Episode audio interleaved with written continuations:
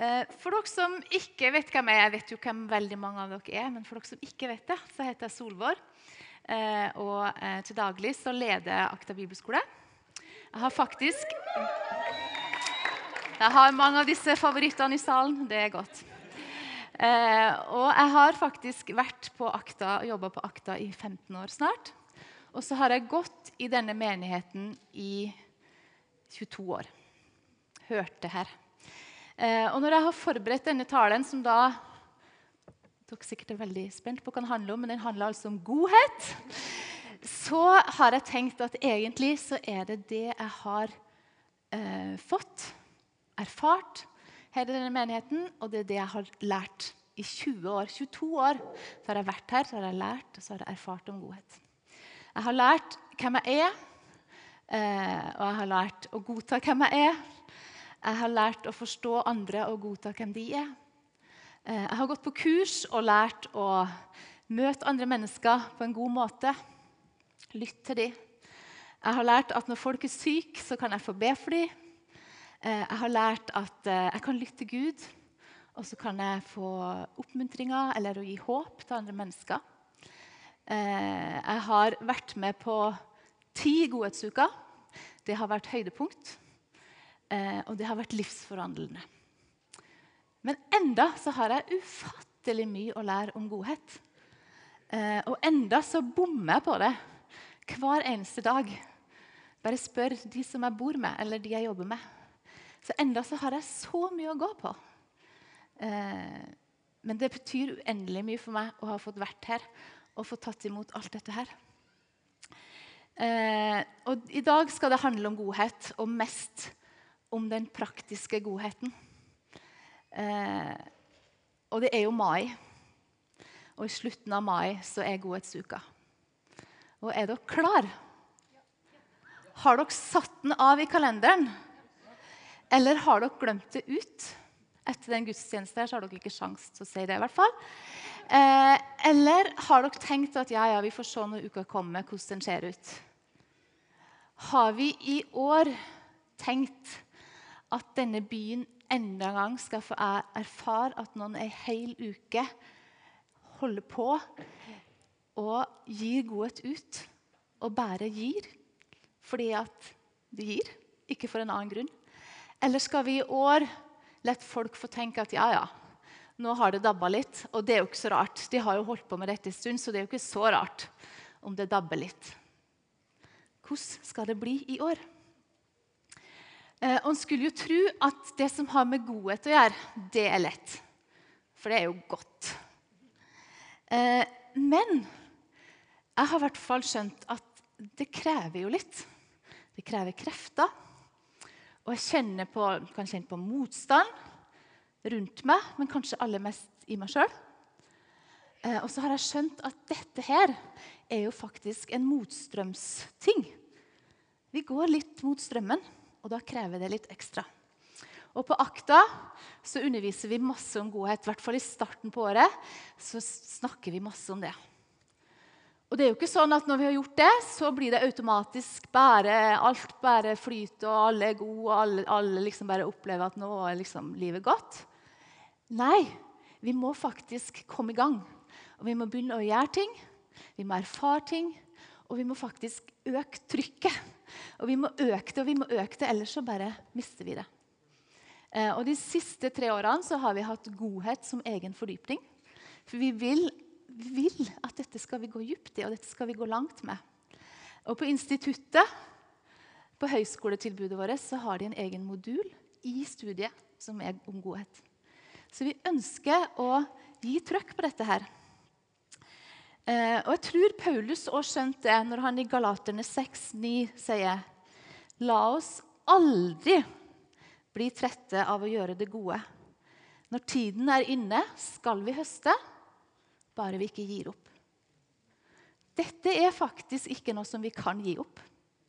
Og vi kan ikke tillate oss å si at nå har vi gått trøtt. Eh, vi kan ikke gi opp dette her.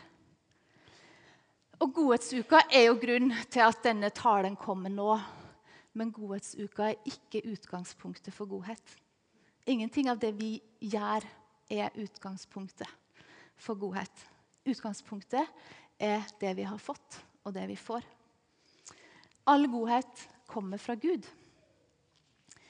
Eh, og når det står at vi er skapt i Guds bilde, eh, så betyr det at når vi viser godhet, så viser vi et bilde av Gud. Og han har lagt ned et potensial i meg og i deg og i oss alle. Eh, og et potensial hvor, hvor, han har gjort det mulig for oss å vise hvem han er.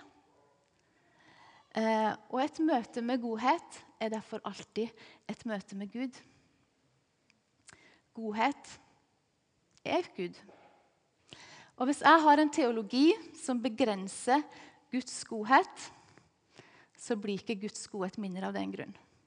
Like lite som en ateistisk tru kan, eh, som sier at Gud ikke finnes, fjerne Gud, kan jo ikke det, så kan vår begrensning i teologien ikke minske Gud.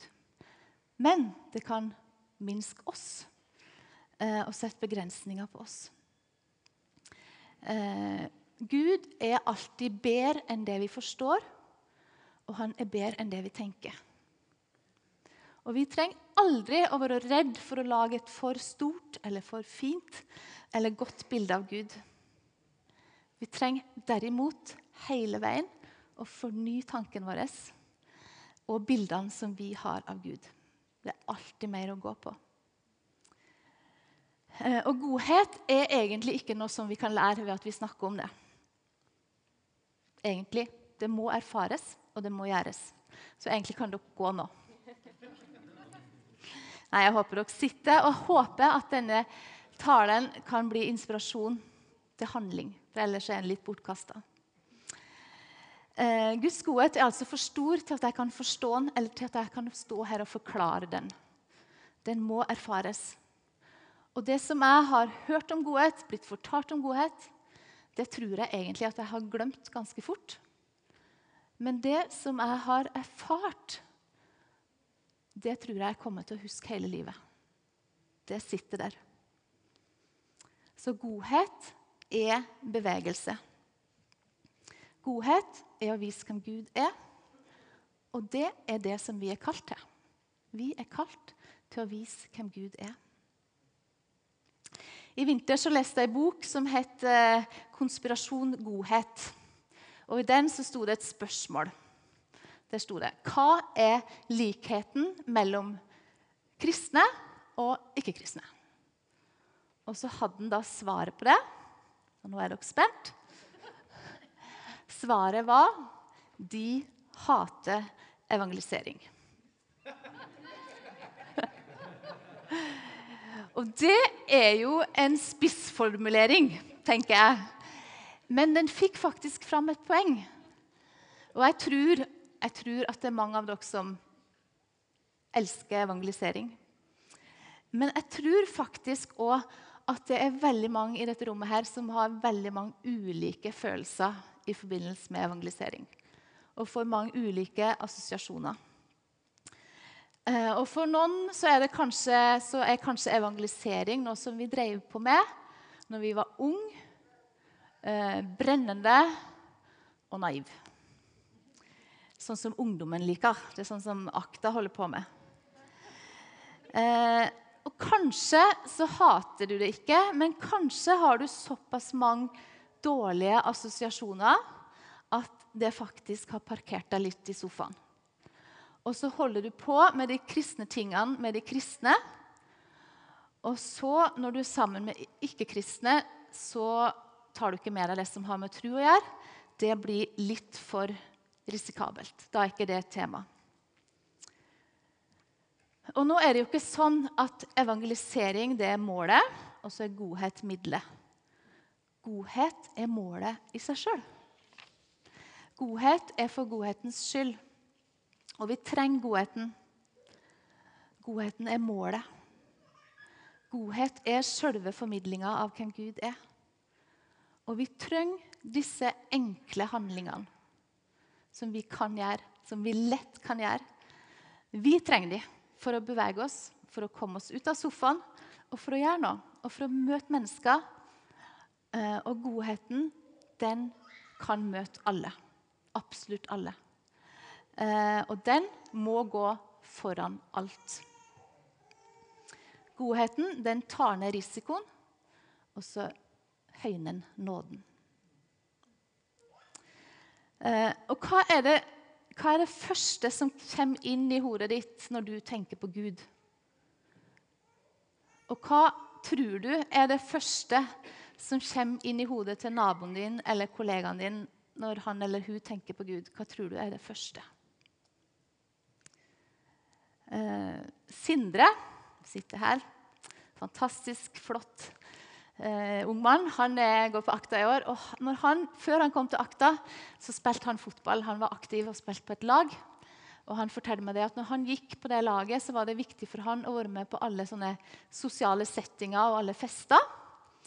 Eh, og ofte da, når det var alkohol der, så var temaet veldig fort i samtalen tru. For de visste at han var kristen. Og så sier han det. Og det andre spørsmål, første eller andre spørsmålet som ofte kom når vi begynte å snakke om det, det var Hater du homofile? Så tenkte jeg, Det er jo tragisk. Det er jo tragisk at det er noe av det første som slår inn i møte med Gud og med tru. At hater du, liksom? Tenk om eh, alle sin første tanke når de tenkte på Gud, var godhet. Da hadde faktisk alle tenkt sant om Gud. Eh, og jeg tror at uansett så vil et møte med godhet Det vil forandre, eller i hvert fall forvirre, et feilvrengt bilde av Gud. Og så er det jo mange som sier eller tenker Men hva med alle de tragiske historiene i Bibelen? Alle de onde menneskene, eller alle de som opplever så mye vondt. Eller hva med Det gamle testamentet? Det er jo masse grusomme historier der. Hva med det? Og Det gamle testamentet viser oss virkelig en historie av at Jesus sin redningsaksjon, eller aller, aller største godhetsaksjon ever, var helt nødvendig. Og det er jo ikke de menneskene vi følger. Vi følger Jesus. Og i ham, han er det ingen ondskap. Eh, og vi trenger ikke å forandre på Jesus. Han trenger ikke å framstilles mer god. Kanskje er det vi som må forandres og bli mer lik han. Eh, og i, eh, For en stund siden så leste jeg en historie om en menighet som skulle bygge ny, ny kirke.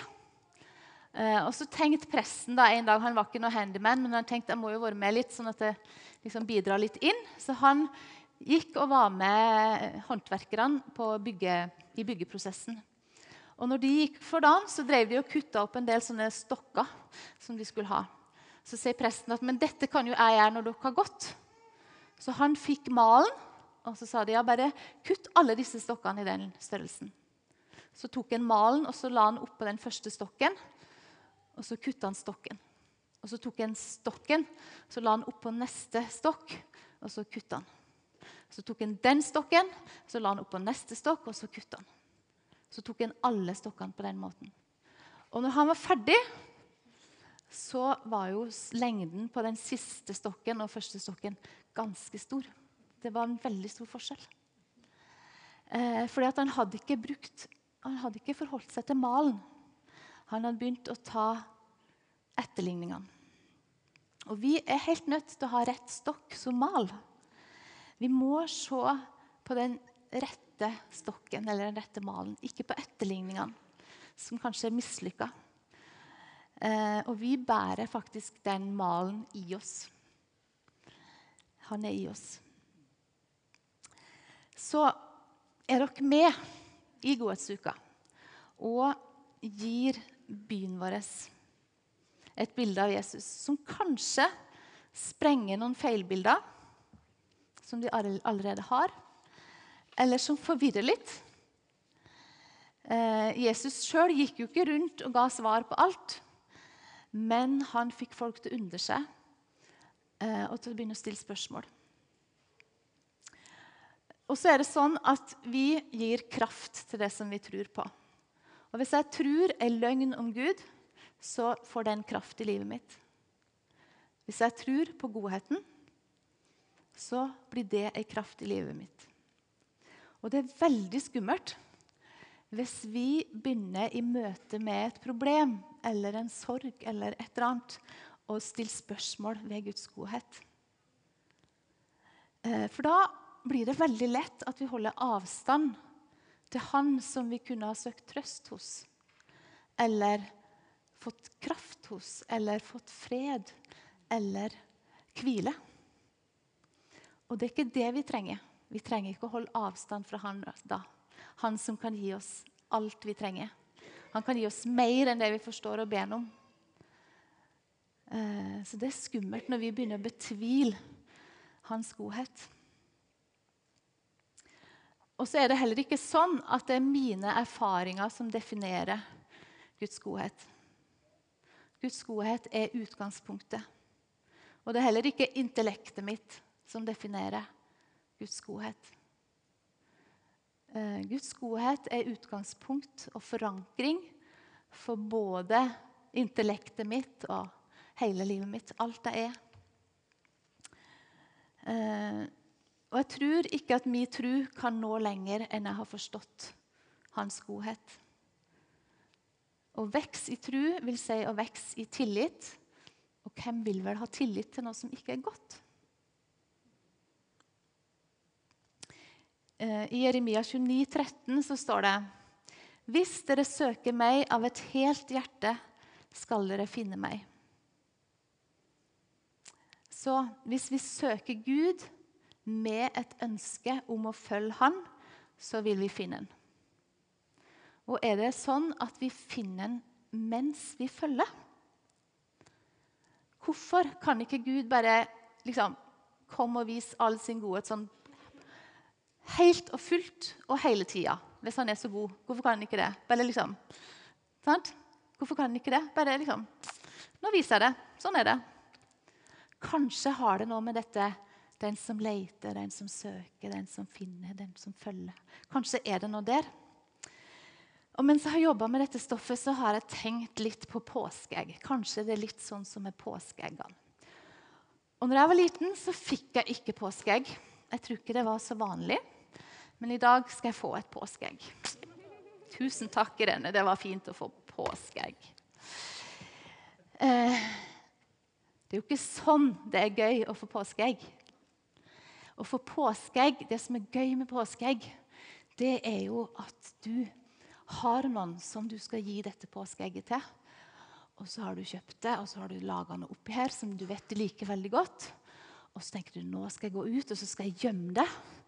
Og jeg skal gjemme det så godt. Jeg skal grave tre meter ned i bakken, skal gjemme det, og så skal jeg ta betong oppå. Og så skal de finne det. Nei, jeg gjør ikke sånn. Jeg gjemmer det. Så tenker jeg, hm, ja, sju år, Da må jeg gjemme det sånn, cirka, sånn akkurat passelig, sånn at sjuåringen finner det etter å ha leta litt, men ikke altfor lenge, sånn at den ikke gir opp. sant? Og så var tiåringen ja, må gjemme det litt mer, sånn at det tar litt lengre tid. Og sånn at det blir gøy, og ikke blir sånn Å, det var kjempelett. sant? Ja, sant? Vi må liksom gjøre det sånn at det blir akkurat sånn spennende. Og så er det jo ikke sånn at jeg sier ok, nå har jeg gjemt påskeeggene, gå ut og finne dem, og så setter jeg meg og ser på nyhetene. Jeg er jo der, og så følger jeg med. liksom. Å, lurer på om de finner det. Å, så gøy. Sånn, så følger jeg med. Og så når de da finner det, så er det jo kjempegøy å se hvor glad de blir. Og om de liker det som er oppi. Og sånn tror jeg kanskje det er litt med Gud og oss og godhet. Han vil ha oss med på dette. Og så mens vi liksom er sammen med han, i den relasjonen, så oppdager vi, og så får vi nye erfaringer av godhet. Og så er relasjonen det som skjer imellom oss der og da, det aller viktigste. Ha det gøy mens vi finner det, mens vi holder på. sant?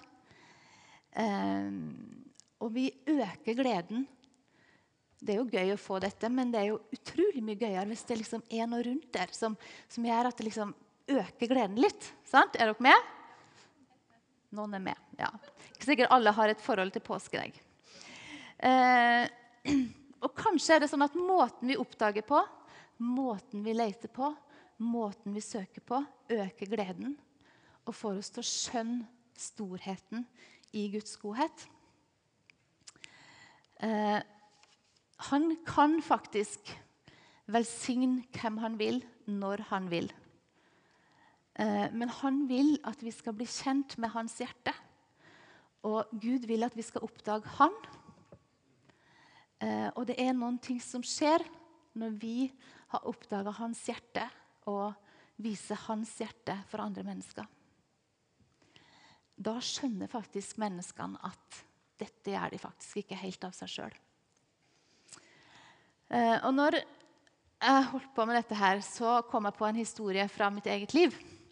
For jeg har tre døtre. Tre fantastiske døtre. Eh, og når de to eldste var fem og sju år, så ble jeg gravid med nummer tre. Og det var en stor glede. Og så var det jo en stor glede for oss å skulle få lov til å fortelle det til disse to storesøstrene. For jeg visste at det var deres høyeste ønske. De hadde så lyst til å bli storesøstre, og de hadde hatt lyst til det så lenge. Så jeg gleda meg virkelig til å fortelle det til dem. Og det var faktisk ikke sånn at vi en dag ved middagsbordet satt og prata om været og skolen og sånn. Og så, og så skal dere bli storesøstre, og så kan du sende meg sausen. Og kan du se en salaten. Det var ikke sånn vi gjorde det. Eh, nei, vet du hva? Vi sa en morgen så sa vi i dag når dere kommer hjem fra skolen, så må dere ikke ta med noen hjem til middag, for i dag skal vi ha familiefest. Eh, og de sa mm, OK, liksom. De var vant til at de fikk ha med seg folk hjem. Så de kom hjem, og vi spiste middag, og etter middagen så sa vi at nå skal vi ha rebus.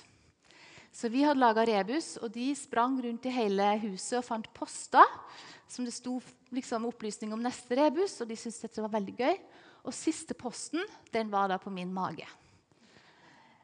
Eh, og når de da skjønte sakte, men sikkert hva det betydde, at det var en baby inni der magen, de ansiktene glemmer aldri.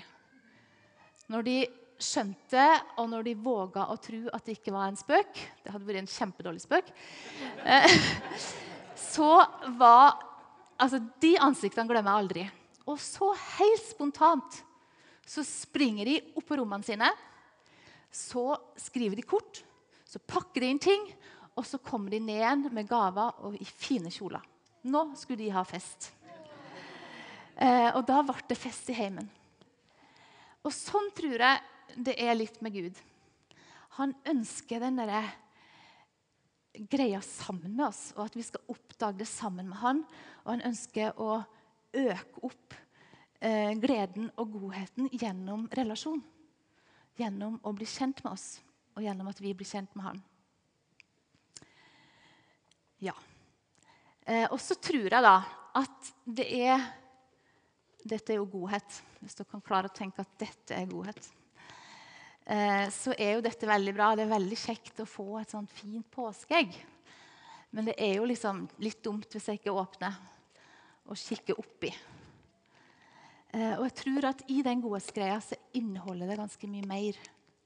Og jeg har lyst til å bare ta, ta fram tre ting som jeg tenker er i godhet. Eh, og det første jeg tenker på, det er glede. Noen som har lyst på litt glede? Jeg må kaste borti en akta. Å! Oh! Tok nesten livet av noen. Nei. Eh, det er glede i godhet. Og verden har jo sett veldig mange slags forskjellige kirker. Verden har sett sinte kirker, uenige kirker, splitta kirker, materialistiske kirker, skuffa kirker, slitne, triste, alvorlige kirker. Eh, og det er jo ikke så, ikke så kjekt å tenke på. Men hva om vi har som mål at fra nå av så skal verden bare møte eh, kirker som er opptatt av å gjøre Guds godhet synlig? Og da tror jeg vi får glade kirker. Godhetsuka er gøy. overraskende nok så er det gøy. Å luke i hager og male hus. og det er jo liksom, Jeg syns egentlig det er ganske kjedelig, men det er gøy. Eh, og For noen år siden så hadde vi julefest i gata. Vi hadde sånn førjulsfest. Det har vi hvert år. Og mens vi sitter der, så sier naboen min han er journalist, og han hadde den dagen gått rundt Mosevatnet for å filme livet ved Mosevatnet. Det sånn oppdrag han hadde for natur og ungdom. Og Mens han går der og filmer, så forteller han, så oppdaga at det går en del ungdommer rundt vannet og plukker søppel. På en torsdag formiddag. Og han syntes det var litt rart. Men det rareste var at det så ut som de hadde kjempegøy. Og de lo, og de hadde så gøy. Det så ut som det var ikke noe annet i hele verden de heller kunne tenke seg enn å gå rundt og plukke søppel ved Mosevatnet. Og Siden han var journalist og var litt nysgjerrig, så gikk han bort til dem og så spurte han om han kunne få intervjue dem. Um, hva de holdt på med og sånn. Så I dette førjulsfesten så viser han liksom, sender han rundt mobilen sin og så viser han intervju da, av mine ACTA-studenter. Så sier han etterpå ja, jeg skjønte jo etter hvert at det var dine. Eh, men det var den derre gleden som overraska han. Tenk, det gjorde det med glede, liksom. Eh, og han og familien mala vi huset til for noen år siden. Og mange av dere har jo hørt om det. at vi var der og malet huset. Hun var sjuk, og vi mala huset. Og hun sier etterpå at eh, jeg er kjempetakknemlig for å få malt huset mitt. Kjempetakknemlig. Det er så stort og så fort få malt hele huset sitt.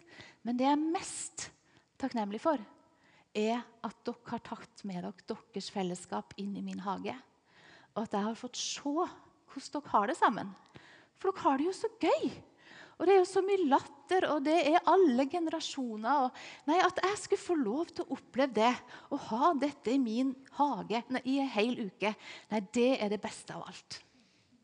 Så tenker jeg, Det sier litt. Den gleden som følger. Det er gøy. Um, og så Det andre som jeg tror er inni den pakken Det er mange ting. Men én ting som jeg tror er der, det er omsorg. Eh, for det er ikke sånn at Gud bare har omsorg for én åndelig bit av livet mitt. Han er, faktisk, han er faktisk opptatt av hele meg til enhver tid. Og han har omsorg for oss som hele mennesker for absolutt alle områder i livet vårt. Og Vi så jo brødunderet her. En litt sånn trist utgave. Eh, men når Jesus oppdaga at folk ikke hadde mat, så sier han til disiplene sine Jeg synes inderlig synd på folket. De har alt vært med meg i tre dager, og de har ikke noe å spise. Sender jeg dem sultne hjem, vil de bli helt utmattet på veien. Noen av dem kommer langveisfra.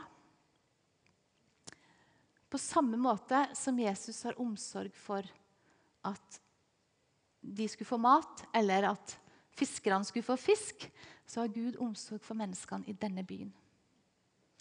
Eh, og han har alt det de trenger gjennom oss. Og han er opptatt av at de skal få den hjelpa de trenger. Eh, I Galaterne 6,2 så står det Bær hverandres byrder og oppfyll på den måten Kristi lov. Kristi lov, Guds lov, at alle skal ha det godt. Tenk om alle forstår det, at det er Guds lov. Guds lov at alle skal ha det godt. Og så står det han er nær hos den som har et sønderknust hjerte. Salme 34, 19. Og jeg tror at I byen vår eller i nabolaget så er det mange som bærer tunge byrder, og som har sønderknuste hjerter.